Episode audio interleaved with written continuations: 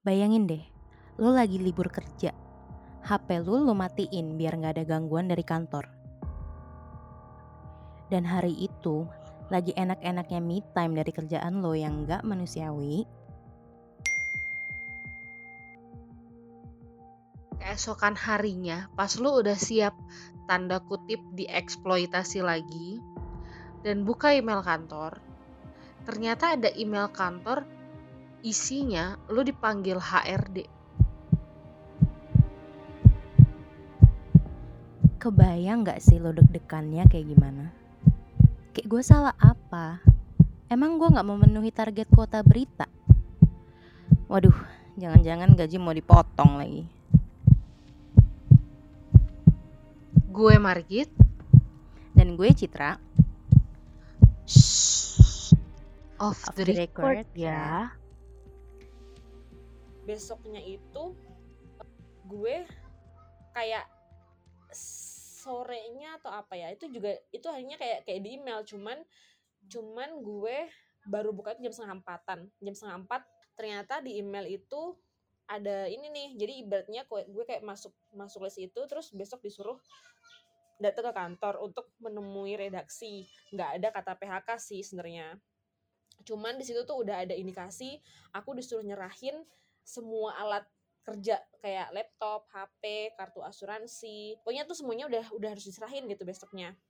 Nah, otomatis kan kayak aku agak-agak ini bener gak sih gitu loh. Karena karena nggak terprediksi banget. Maksudnya kayak ibaratnya orang-orang yang hari kedua itu tuh kayak nggak ada clue banget karena kita pikir udah hari pertama kemarin. Jadi bener nggak ada informasi apa pun. Terus Ini cerita Nurul, karyawan kumparan yang di PHK sepihak yang katanya sih gara-gara pandemi ekonomi juga kena. Tapi waktu Nurul meminta transparansi keuangan perusahaan, pihak perusahaan nggak ngasih. gitu sih yang Alasannya, gue duduk ya itu direksi sama CEO terus gue duduk terus kayak yang langsung pesangonnya segini ya besok besok ditransfer gitu. Kayak yang apa? Gue tuh kayak dalam hati hah? Yakin gue bener-bener semudah ini? Gitu kayak yang kayak yang gue nggak dapet penjelasan apa apanya CEO bilang ada pertanyaan ya jelas dong ada pertanyaan. Hanya gue kan gue udah ngelis dalam otak nih kayak ada banyak pertanyaan kayak segimana sih apakah memang bener pilot ataukah bener-bener uh, Cuy, Karyawan mana sih yang gak kaget tiba-tiba kena PHK? Oh, nggak pernah ada tanda-tanda kantor mau mati. nggak ada penundaan-penundaan THR atau apa tuh utuh semuanya utuh dan tepat waktu. Terus juga nggak ada yang dirumahkan. Gitu-gitu loh kayak yang gue tuh bener nggak nggak ada nggak ada clue gitu. Terus eh, abis itu ya udah gue nanya terus kenapa gue gitu? Kenapa harus gue yang kena? Ada nggak? Kayak misalnya rekapan oke kerja gue nggak baik atau enggak gue pernah di SP sama sekali enggak gue gue gue gue ngerasa gue nggak pernah di SP karena memang nggak pernah. Gue juga merasa memenuhi target lah ibaratnya gitu. Dan kalau misalnya memang memang jelek ya. Tunjukin dong ada nggak sih eh, rekapan nilai atau apa pertimbangan-pertimbangan gitu? Mereka nggak bisa nggak bisa jawab nggak bisa ngejelasin ketika itu. Terus eh, terus kenapa mendadak gitu? Ya normatif sih kayak yang ya karena pandemi lalalala tapi kan kayak gue nggak logis nih. Maksud tuh kayak kok nggak kejawab gitu. Akhirnya setelah ber- ber- berbincang cukup lama gue udah disuruhin PB sih udah ada PB gitu gue disuruh pelajarin dan harus harus eh, keputusan hari, hari itu juga. Gue mau bawa pulang atau gue mau foto atau apa tuh nggak bisa gitu. Maksudnya nggak nggak inilah nggak bisa harus harus sore itu juga gitu. Eh, akhirnya gue pelajarin baik-baik eh, setiap poin-poinnya dan di situ gue sebenarnya bingung sih kayak ibaratnya gue lagi bingung lagi linglung lagi nggak bisa berpikir jernih tapi gue harus menandatangani apa yang ada di depan gue. Tapi kayak kayak yang gue nggak masuk sumpah itu baca tuh kayak yang kayak yang menurut gue tekanan psikologis gitu loh kondisinya tuh gue nggak bisa nggak bisa memahami dengan jernih nggak nggak bisa berpikir dengan jernih. Tapi for your information aja ya, itu Nurul itu merupakan satu-satunya karyawan yang berani menggugat perusahaannya atas PHK sepihak itu. Dari itu puluhan waktu teman-temannya yang nasibnya itu sama. H plus 2 jam kita di email udah langsung ada nama. Besoknya kita nggak tahu nih siapa yang kena. Jadi kayak dipecah jadi empat hari jadi benar-benar dipecah kita nggak ada waktu buat konsolidasi nggak ada. Kita nggak ada waktu buat mempelajari PB atau apa tuh nggak ada. Karena memang memang bilangnya pertemuan nggak langsung bipartit. Jadi mereka nyebutnya tuh bipartit pertemuan pertama tuh. Jadi gimana ya gimana gimana mau konsolidasi nih ibaratnya? Terus kita juga harus tanda tangan hari itu juga. Gimana kita mau konsolidasi dan mempelajari PB PB-nya aja tuh dikasih taunya pas udah di sana udah di udah di ruangan yang kita dalam tekanan psikologis kalau menurut saya ya. Sendiri dengan dihadapkan beberapa direksi-direksi kita posisinya sedang bingung dan sedang linglung tapi kita harus harus dihadapkan dengan berkas-berkas PB itu. Gimana kita mau berpikir jernih? Jadi kayak kita udah dipecah hari-harinya terus jadi ya posisinya ya ya jujur kalau mau jujur-jujuran gue tertekan gitu ketika itu ketika ketika misalnya gue sendiri dengan kondisi yang masih bingung dan linglung terus ibaratnya ini kan ya pertama lah bagi gue pengalaman pertama lah. Terus tiba-tiba langsung dihadapkan dengan seperti itu. Meskipun meskipun PHK itu mungkin bagi orang-orang yang udah lama bekerja wajar lah ya. Maksudnya bukan hal yang wah banget tapi ya posisinya cuy waktu itu kayak beneran kayak tekanan psikologis sih.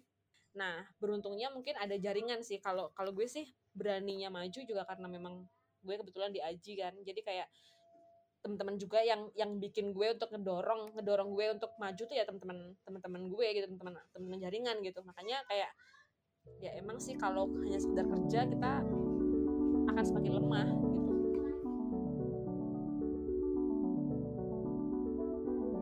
Ini baru cerita Nurul selama pandemi. Gimana kalau lu jadi karyawan tetapi status ketenaga kerjaannya nggak pernah jelas? Kayak kontributor berita di daerah-daerah misalnya. Jadi selama pandemi ini emang aku kontributor di KBR Jawa Tengah kena dampak emang kena dampak banget ya mbak.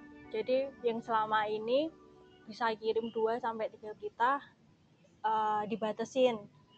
Paling ya sehari kirim tetap sih kirim 2-3 berita tapi yang tayang cuman satu berita kadang juga nggak tayang dan itu juga dikeluhin sama teman-teman kontributor yang lain. Jadi ada juga kemarin yang cerita uh, kalau aku pribadi emang uh, apa ya karena nggak terlalu ngoyo banget gitu ya. Jadi ya udahlah mau mau apa uh, kayak kuota beritanya dikurangin gitu ya ya ya udah terima nasib. Karena kebetulan juga di Semarang juga ada bantu di satu media online juga. Mbak Tika juga tahu di mana ya masih ada save di situ juga lah penghasilan Anin sebagai salah seorang kontributor domisili Jawa Tengah untuk media radio ketika pandemi benar-benar turun drastis. Nah, karena turun drastis itu, mereka harus standby 24 jam. Tapi kok bisa sih? Uh, kalau biasanya pendapatan rata-rata gitu bisa sampai dua ke atas lah. Sekarang ya paling satu setengah, satu, pokoknya di bawah dua gitulah. Terus ya ada pengurangan gitu tapi ya di, tetap disyukurin aja lah seenggaknya masih ada pendapatan gitu. Ya gimana coba? Anin adalah satu dari banyak kontributor yang digaji cuma per berita yang tayang. Bukan per berita yang dikirim. Jadi gini nih kalau lo ngirim lima berita dan cuma satu yang naik bayaran lo cuma satu itu. ya, sempat aku juga pernah tanya kita nggak dapat APD atau apa pun itu dari kantor uh, apalagi sampai bantuan BPJS gitu ya? Nggak nggak nggak dapat sih mbak kontributor yang dari KBR tapi aku nggak tahu teman-teman kontributor di media lain mereka dapat apa enggak cuman kalau dari KBR enggak itu sempet ya emang mikir gini sih. Tanya kan ke editor mbak uh, emang dari kantor nggak ada yang ngasih APD atau apa gitu ke teman-teman kontributor buat tetap safety waktu liputan? Ya mereka malah jawabnya gini uh, kita aja yang di kantor nggak dikasih apalagi yang kontributor gitu. Intinya gitulah ya. Akhirnya kita juga ya legowo lah menerima apa yang ada. Dan kebetulan juga meskipun nggak dapat dari kantor uh, bersyukurnya ada ada organisasi ya. Udah mah kontrak nggak jelas cuman bergantung dari pekerjaan ini aja. Penghasilan turun nggak ada jaminan kesehatan pula. Aduh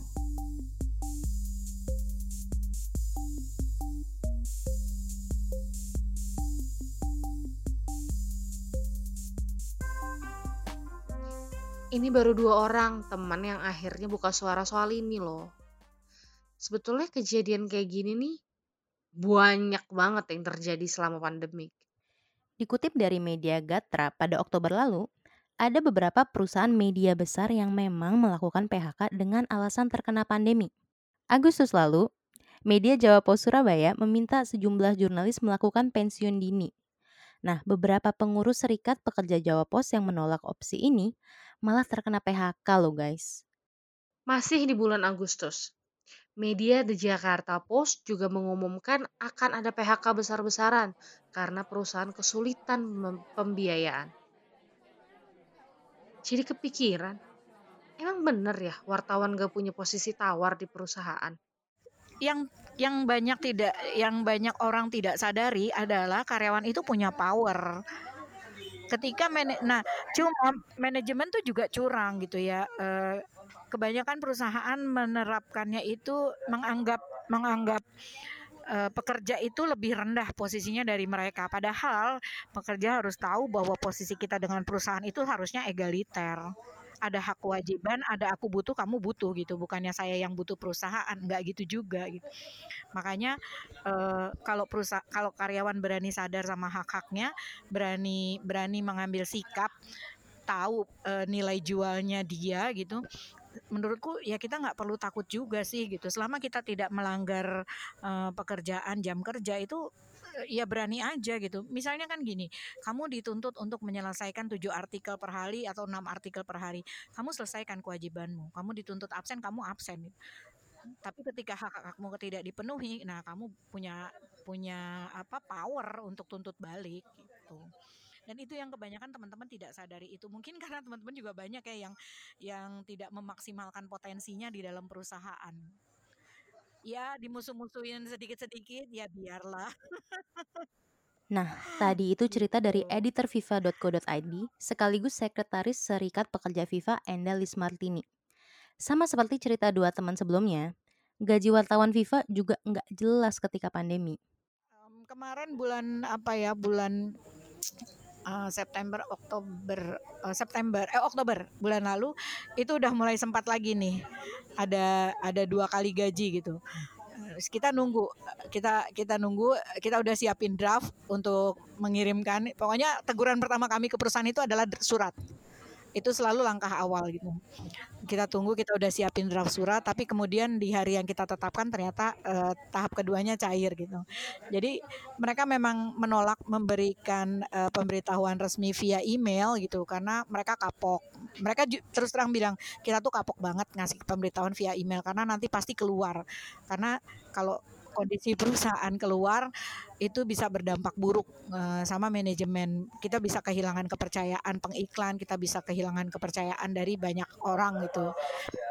Nah, makanya uh, perusahaan itu minta supaya eh mereka bilang kita nggak akan kasih pengumuman via email, tapi kalau kalian mau mau tegur silakan gitu. Jadi itu Emang itu sih, selalu yang jam awal kerjanya dikurangi dan work from home pula. Tapi Kan target tulisannya sama aja. Akhirnya kayak kerja rodi. Kita kan nggak tahu kondisi di rumah mereka masing-masing seperti apa. Ya kan namanya perusahaan kan hubungan industrial bukan hubungan kasih sayang toh.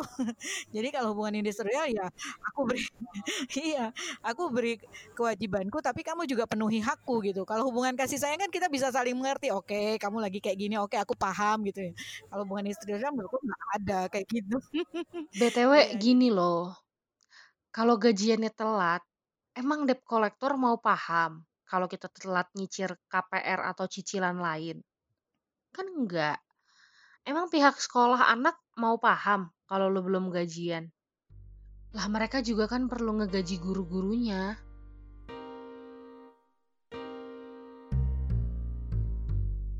Sebetulnya juga emang kondisi perusahaan media di Indonesia cuman buruknya pas pandemi ini ya? Menurut pengamat media, Roy Taniago, tantangan yang dihadapi oleh perusahaan media dari sisi ekonomi itu sama aja kayak sebelum dan juga saat sekarang pas pandemi ini. Ya pertanyaannya sulit. Um, ini isu industri media yang berdarah-darah, yang secara ekonomi melemah, sebenarnya kan udah kelihatan semenjak kedatangannya internet ya. Dan karena di internet ngambil banyak sumber ekonomi iklan yang selama ini uh, banyak dikuasai media, kan berpindah ke platform kayak medsos, perusahaan-perusahaan Facebook, Google dan lain-lain ngambil itu.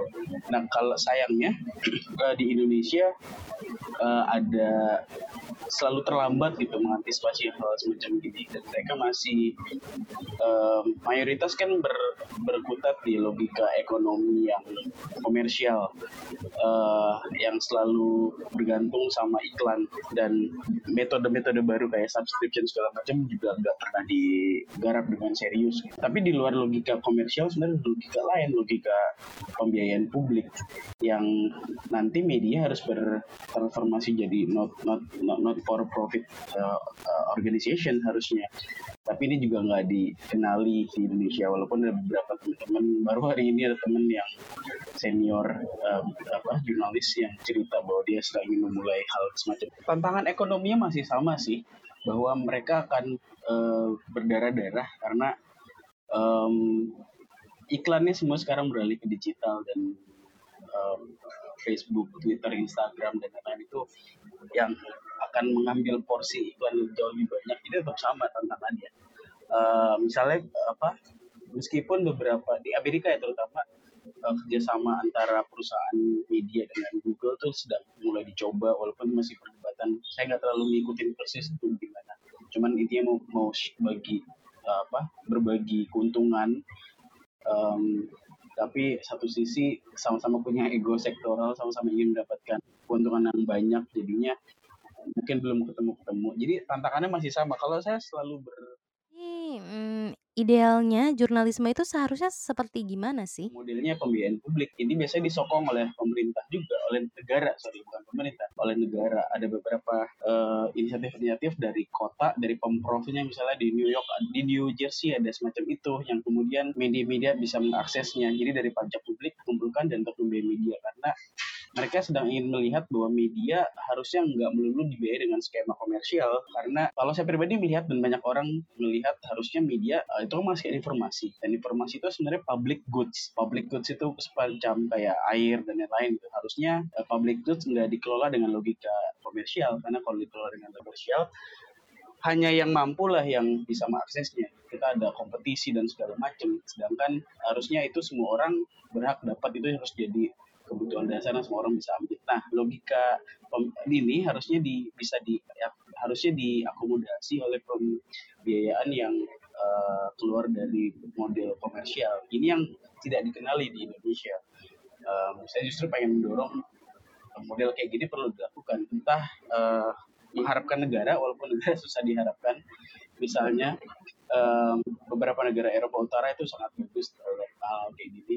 Uh, tapi seenggaknya bisa dimulai dari pembiayaan uh, masyarakat publik begitu um, apa atau funding yang sifatnya tidak mengikat atau saya punya ide lain bikin konsorsium bersama LSM NGO mereka bisa menjadi atau media, semacam korporasi kooperasi media, media kooperasi begitu yang seperti ada di Jerman tas namanya misal jadi setiap orang tuh punya saham di media itu dan dia menentukan arah media dan jadi media itu memang milik publik. Iya kurang lebih gitu. Tadi jadi um, mas balik lagi ke masalah pemecatan-pemecatan yang sebenarnya bukan terjadi di pandemi doang kan. Sebelumnya kita lihat banyak perusahaan media banyak memecat di sana sini, STV, MNC, lagi ya cukup banyak untuk melakukan uh, pemecatan semacam ini. Nah, Roy juga bilang yang dilakukan oleh pemerintah saat ini adalah menyelamatkan bisnis medianya, bukan jurnalismenya. Pengeluaran di rumah juga pasti mungkin bertambah. Harusnya malah kantor harusnya uh, bayar uang, tambahin uang karena listrik, air minum, uh, air dan lain-lain kan bertambah. Apa alat-alat kerja mungkin juga jadi pakai punya pribadi yang sebelumnya punya kantor, terus malah kantor harusnya nambah harusnya. Padahal kalau kemarin uh, insentif yang dari pemerintah itu kan uh, membuat media tidak usah membayar uh, listrik dalam beberapa bulan gitu untuk kesepakatannya. Seharusnya kan uang itu bisa lari ke wartawan tapi ya, kita nggak ngerti lah apa yang terjadi yang diselamatkan kemarin saya pakai main nulis di Kompas beberapa bulan lalu itu saya bilang semangatnya lebih menyelamatkan bisnis jurnalisme bukan jurnalismenya yang diselamatkan Ya ada sih bantuan dari pemerintah dalam tanda petik kepada wartawan dengan embel-embel fellowship. Tetapi setelah pertemuan dengan para pemimpin media akhirnya menyepakati uh, ada dua dua cara untuk membantu media. Yang pertama itu melalui medianya dan yang berikutnya melalui jur, uh, apa jurnalisnya gitu. Untuk ke media masuknya dalam bentuk iklan, sementara untuk jurnalisnya dalam bentuk fellowship.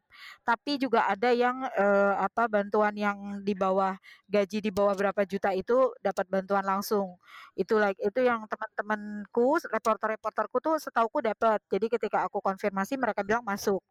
Mereka dapat bantuan langsung itu. Tapi terus uh, ada yang 5.800 jurnalis itu yang mendapatkan fellowship kalau nggak salah nominalnya itu sebulan sekitar sejuta setengah untuk membuat berita dalam satu berapa berapa gitu pokoknya ada kompensasinya. Nah cuma permintaannya beritanya adalah berita yang positif gitu. Nah kata-kata positif itu kan kita bisa terjemahkan sebagai ya berarti kan berita yang baik-baik aja kan gitu.